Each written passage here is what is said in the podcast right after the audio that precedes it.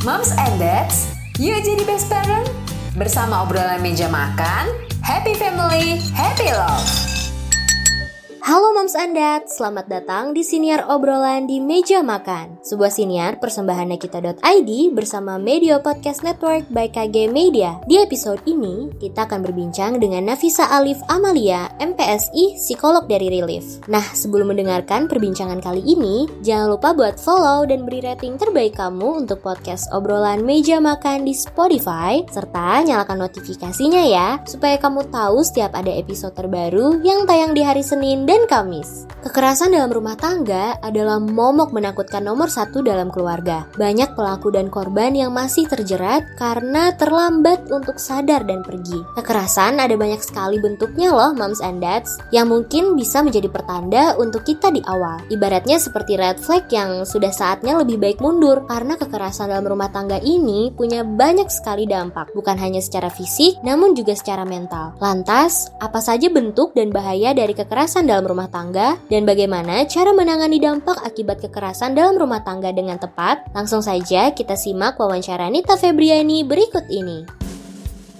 Mama dan Papa suka bingung cari hiburan yang edukatif untuk anak dan cara menjaga hubungan dengan si kecil agar semakin erat? Yuk dengerin podcast Dongeng Pilihan Orang Tua persembahan Medio by KG Media di Spotify. Hai Moms and Dads, kali ini kita akan berbincang dengan narasumber yang sudah bergabung bersama kita. Ada Mbak Nafisa Alif Amalia MPSI, psikolog anak dari Relief. Halo Mbak Nafisa, apa kabarnya? Halo Mbak Nita, Alhamdulillah baik. Hari ini Mbak Nita gimana kabarnya? Baik, baik. Alhamdulillah. Semoga Moms dan Dads yang mendengarkan juga di mana pun berada dalam keadaan baik dan sehat ya Mbak ya. Oke, nah Moms and Dads, di episode kali ini kita akan berbincang mengenai cara menghadapi kekerasan dalam rumah tangga alias KDRT bicara tentang KDRT ini belakangan ada sebuah kasus dari selebriti tanah air nih yang jadi sorotan karena rumah tangganya dinilai adem ayem selama ini harmonis gitu terus jadi role model juga gitu sampai didukung oleh banyak emak-emak nih di Indonesia. Tapi ternyata dalam satu peristiwa sang istri mengalami tindakan KDRT sampai akhirnya melaporkan ke polisi. Kasus ini nih bikin banyak orang terkejut Mbak Nafisa. Sekaligus geram kayaknya ya karena pada akhirnya iya. mungkin publik banyak berharap KDRT diselesaikan sesuai hukum yang berlaku tapi ternyata sang istri malah memilih mencabut laporan dan berbaikan. Nah, dari kasus ini nih, akhirnya publik jadi terpecah. Ada yang mendukung keputusan untuk rujuk dengan pelaku KDRT, ada juga kubu yang menentang untuk pelaku KDRT dimaafkan begitu saja. Lantas sebenarnya gimana sih kita harus merespon dan menghadapi kekerasan dalam rumah tangga? Langsung aja kita ngobrol bersama ahlinya nih, ada Mbak Nafisa di sini. Mbak Nafisa, kalau berkaca dari kasus yang tadi ini, sebenarnya kenapa sih Mbak kalau dalam kasus KDRT tuh biasanya korban tuh sulit untuk melepaskan diri dari pelaku KDRT? KDRT-nya. Ya betul sekali. Itu juga mungkin yang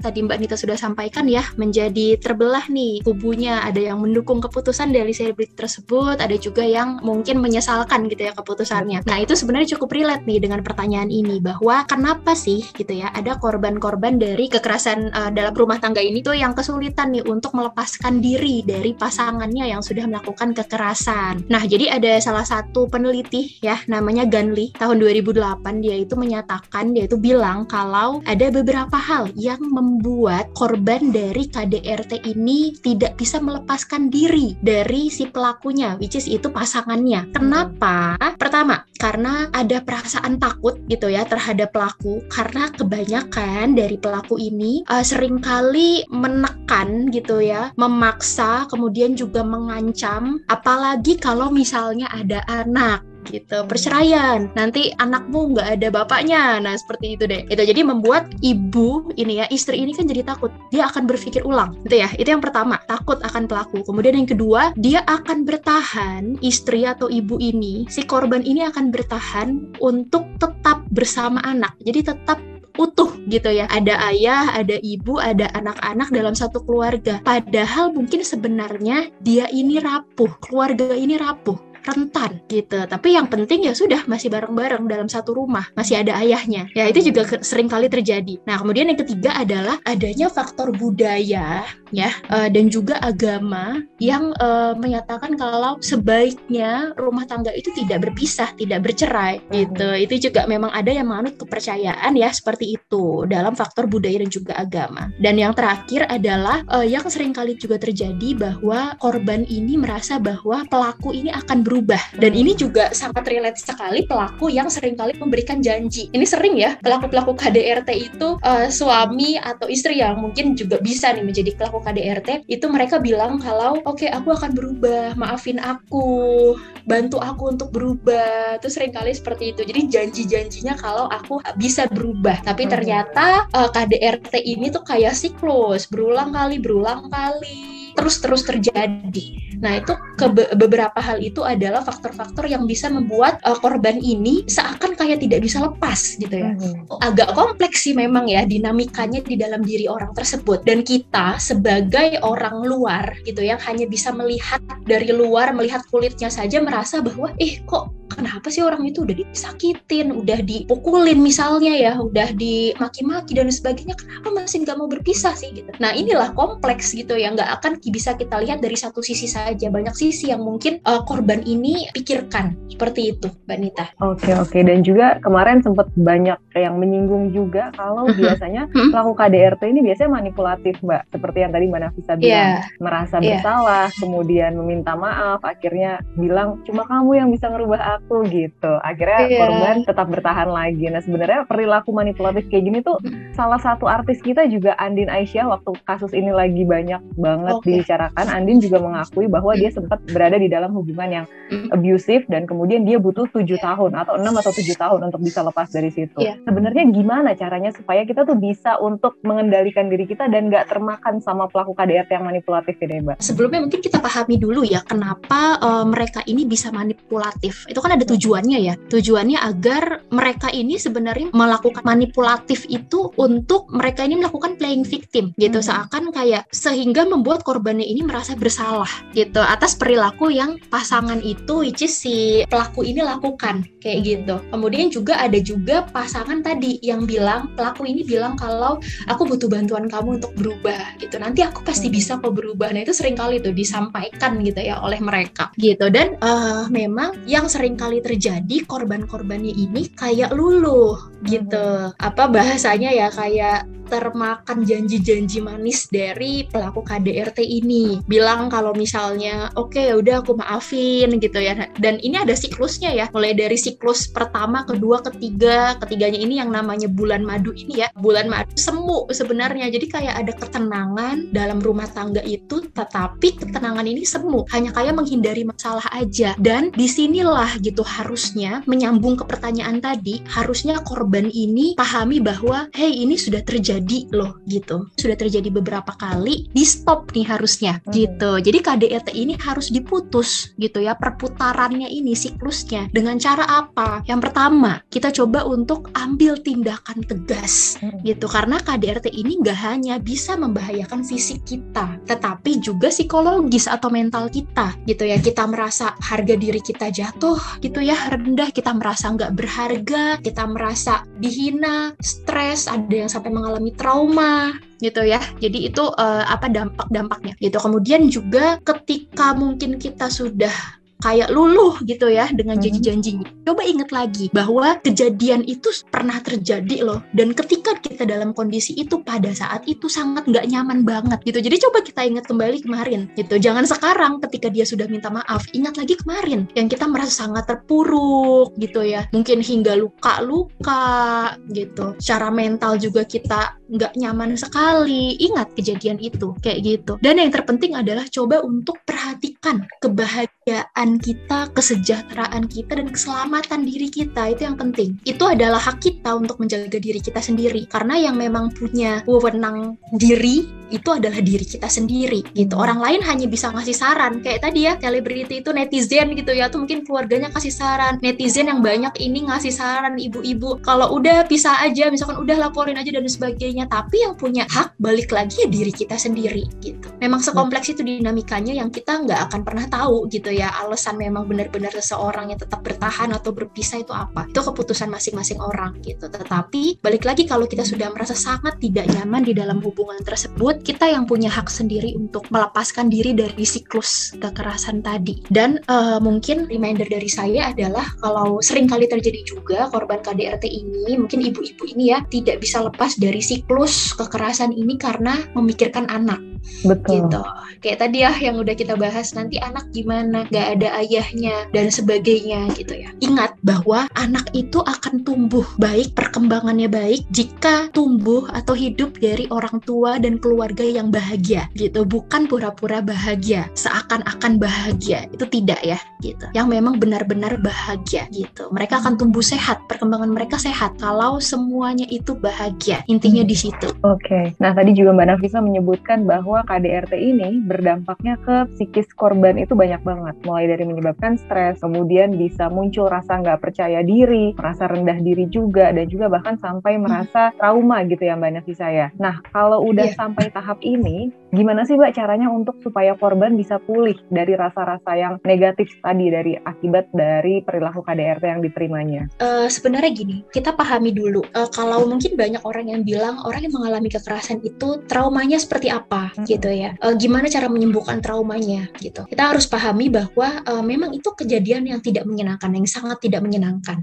Tetapi tidak semua kejadian yang tidak menyenangkan itu akan membuat trauma, gitu. Akan menjadi trauma, gitu. Memang itu bisa membuat mereka stres, sedih, marah dan sebagainya ya, eh, emosi-emosi negatif, tapi tidak selalu mengarah ke trauma gitu. Ini harus didiagnos lebih lanjut ya oleh ahli psikolog atau psikiater gitu. Namun gitu ya, ketika sudah muncul pastinya kekerasan eh, apa KDRT tadi ini muncul hal-hal atau emosi yang membuat tidak nyaman, apa yang harus dilakukan gitu. Terutama yang dilakukan dari lingkungan sekitar juga ya. Mungkin itu yang bisa dibantu gitu dari lingkungan sekitar karena korbannya sendiri ini kan juga lagi masa yang sangat rentan ya, rapuh lah bisa dibilang seperti itu. Jadi apa yang dapat dilakukan? Eh, yang pertama eh, sangat penting bagi lingkungan sekitar untuk memberikan support gitu. Hmm. Atau kalau dalam psikologinya tuh support sistemnya itu harus kuat gitu. Sebaiknya itu kuat gitu ya. Support system bisa dapat dari siapa? Bisa dari keluarga gitu ya, keluarga lain atau misalkan sahabat, teman gitu ya yang memang mendukung dia ada untuk dia di saat itu support gitu ya. Itu yang bisa dilakukan gitu. Kemudian juga yang kedua adalah orang-orang di sekitar ini coba untuk pahami gitu apa yang dirasakan gitu. Pahami apa yang korban ini rasakan Eh, bahwa ada perasaan sedih, mungkin marah atau kecewa gitu ya. Pahami dan terima emosi tidak nyaman yang dia rasakan gitu. Jadi kalau dalam bahasa eh, psikologinya itu validasi ya. Validasi emosinya ditenangkan gitu, diterima agar korban ini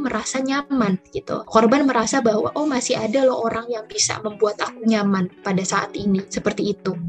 Nah, setelah korban itu lebih nyaman secara psikologi, secara emosi negatif ini sudah lebih berkurang, bantu dia untuk berpikir lebih jernih gitu. Nanti apa yang akan dilakukan setelah ini akan seperti apa gitu. Jadi sudah apa emosi negatif itu sudah sudah lebih turun gitu ya, sudah lebih nyaman. Lalu kita bisa berpikir lebih jernih apa yang harus dilakukan setelah ini. Seperti itu. Oke, selanjutnya dampak KDRT ini kan nggak cuma kepada psikologis korbannya aja. Tadi Mbak Nafisa menyebutkan kalau dalam rumah tangga itu sudah memiliki anak. Banyak pasangan yang akhirnya memilih untuk berbaikan demi anak gitu. Nah, sebenarnya dampak KDRT sendiri terhadap psikologi anak tuh seperti apa, Mbak? Mana yang lebih baik? Apakah anak menerima kondisi KDRT orang tuanya atau justru anak menerima perpisahan orang tuanya karena KDRT? Kalau disuruh milih mana tuh, Mbak, yang lebih baik? Silahkan Mbak Nafisa. Oke, baik. Iya, ini pertanyaan yang apa? Sering kali ya gitu terjadi. Sebenarnya gini, perhatikan dulu apakah anak ini uh, sering melihat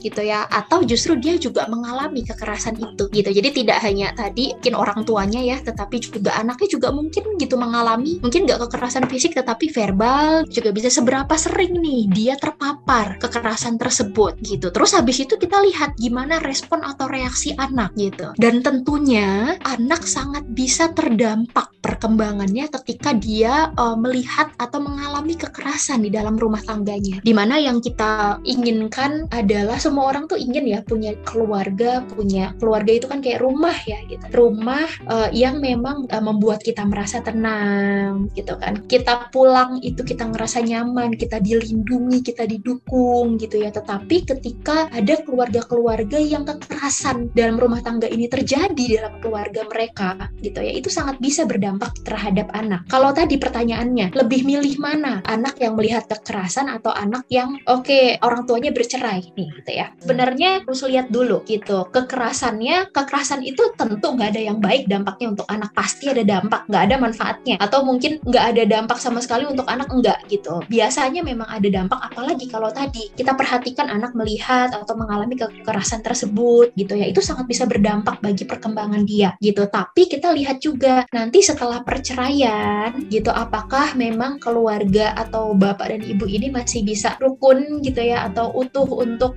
meningkatkan perkembangan anak bersama kompak gitu untuk apa membersamai tumbuh kembang anak gitu. Ketika itu terjadi maka perkembangan anak insya Allah juga akan bisa tetap baik meskipun orang tua itu telah berpisah gitu. Itu justru akan lebih baik. Dia berada di dalam keluarga yang ada ibu bapaknya dalam rumah tapi sering kali dia melihat misalnya pintu dibanting piring pecah yang kayak gitu atau verbal keluar dari ayah dan ibunya. Nah itu justru jauh lebih buruk gitu dibandingkan ada perceraian tetapi setelah itu rukun. Hmm. gitu. Misalkan anak sekolah gitu dijemput gantian bapak atau ibunya. Atau misalnya tinggal di ibu nih ya Senin sampai Jumat weekend di tempat ayahnya. Pengasuhannya gaya pengasuhannya sama kompak deh nih bapak dan ibu. Nah itu justru akan lebih baik gitu. Jadi mana yang lebih baik seperti itu ya tadi ya tapi dengan hmm. tanda syarat dan ketentuan berlaku.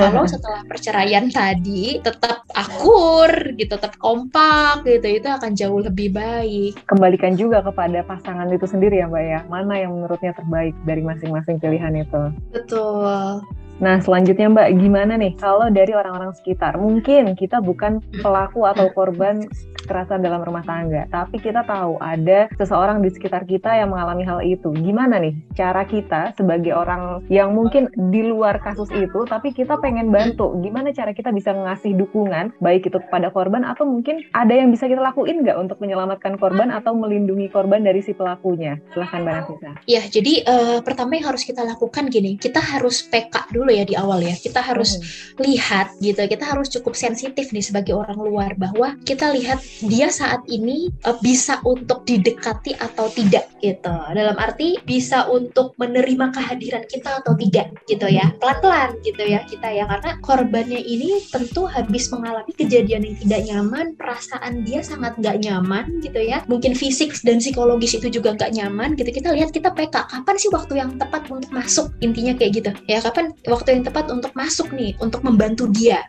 kayak gitu. Ya itu yang pertama. Tapi yang jelas uh, mereka ini butuh support system gitu. Mereka butuh bantuan mereka butuh uh, support dukungan dari lingkungan sekitarnya. Jadi setelah tadi kita PK kita lihat kapan waktu yang tepat untuk kita masuk gitu ya. Yang bisa kita lakukan adalah kita hadir untuk dia hmm. gitu. Kita berikan waktu untuk dia gitu. Jadi kayak kita hadir kita ada di sisi dia pada saat itu. Apa yang bisa kita lakukan? Kita dengarkan dalam diam. Kita dengarkan dalam diam maksudnya seperti apa? Kita dengarkan apa pun yang ingin dia ceritakan apa pun yang ingin dia lakukan. Kalau dia mau nangis boleh nangis. Dia butuh sandaran bahu boleh. Dalam diam artinya kita tidak apa hindari memberikan penilaian misalnya kok dia parah banget sih seperti itu? Kok kayak gini sih? Pasti parah banget ya kejadiannya ya? Misalnya yang kayak gitu-gitu ya. Gitu hindari itu memberikan penilaian-penilaian judgement-judgement seperti itu. Dan hindari juga memberikan saran pada saat itu. Mereka belum butuh itu. Mereka butuhnya apa? Butuhnya didengarkan hadir terima perasaannya diterima kehadirannya. Gitu. Itu dulu.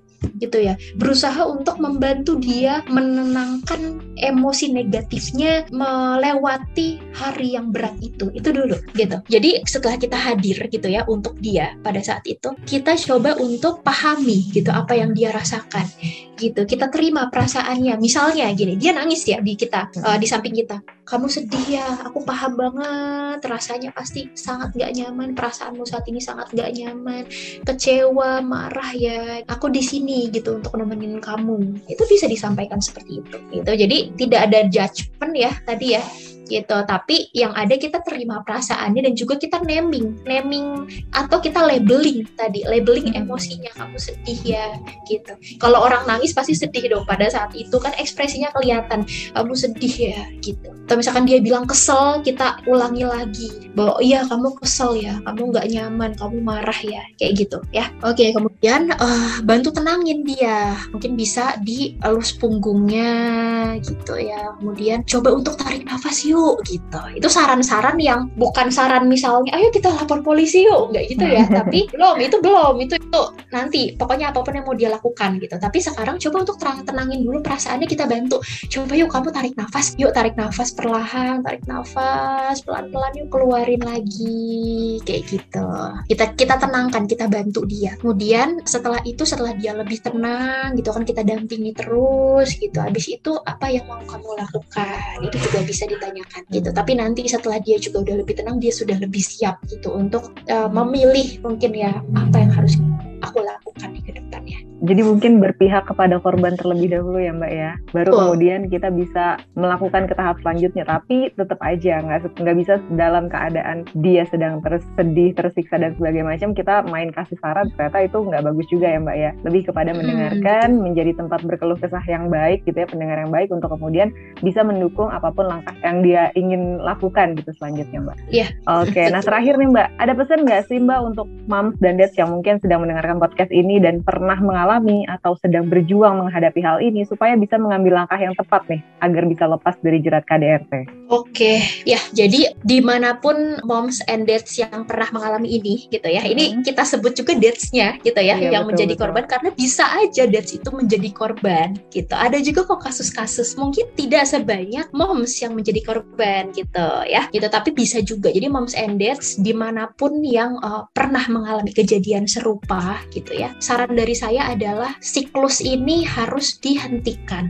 gitu. Ini merupakan siklus yang perputarannya ini harus dihentikan. Kalau sudah membuat kita sangat merasa tidak nyaman secara fisik dan secara psikologis, uh, hentikanlah gitu. Gitu. Hentikannya banyak cara ya, gitu ya. Itu tergantung dari keluarga masing-masing, tergantung dari individu masing-masing gitu. Jadi uh, hentikan dengan cara kita harus pahami bahwa tubuh kita itu adalah hak kita sendiri. Tubuh itu menyangkut fisik kita dan juga psikologis kita gitu ya. Itu adalah hak kita sendiri untuk membahagiakan diri kita, untuk menyejahterakan diri kita sendiri gitu. Orang lain bisa memberikan saran, ya saran apa pun gitu ya, tetapi kita adalah orang yang mempunyai hak untuk diri kita sendiri gitu. Dan kalaupun dads dan moms di luar sana memiliki anak gitu ya, mengalami KDRT dan memiliki anak, pahami bahwa anak tumbuh dari orang tua atau keluarga yang bahagia gitu.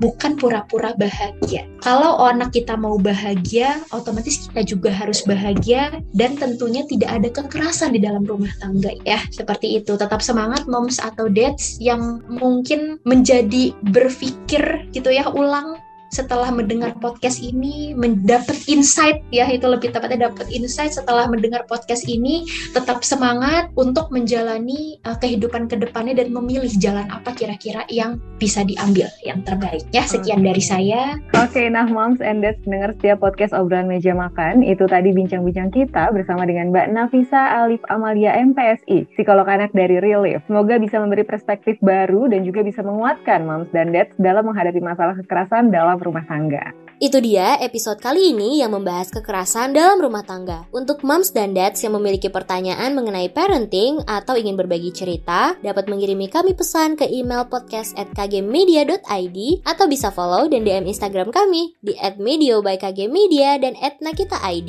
Atau moms dan dads yang membutuhkan konseling dan ingin bercerita kepada psikolog dapat mengunjungi Relief, konseling online, dan self-care. Jangan lupa pantau, dengerin, dan follow obrolan meja makan di Spotify untuk episode-episode terbaru yang tayang tiap hari Senin dan Kamis yang pastinya seru banget. Akhir kata, saya Ana mewakili segenap kru yang bertugas pamit undur diri. See ya moms and dads!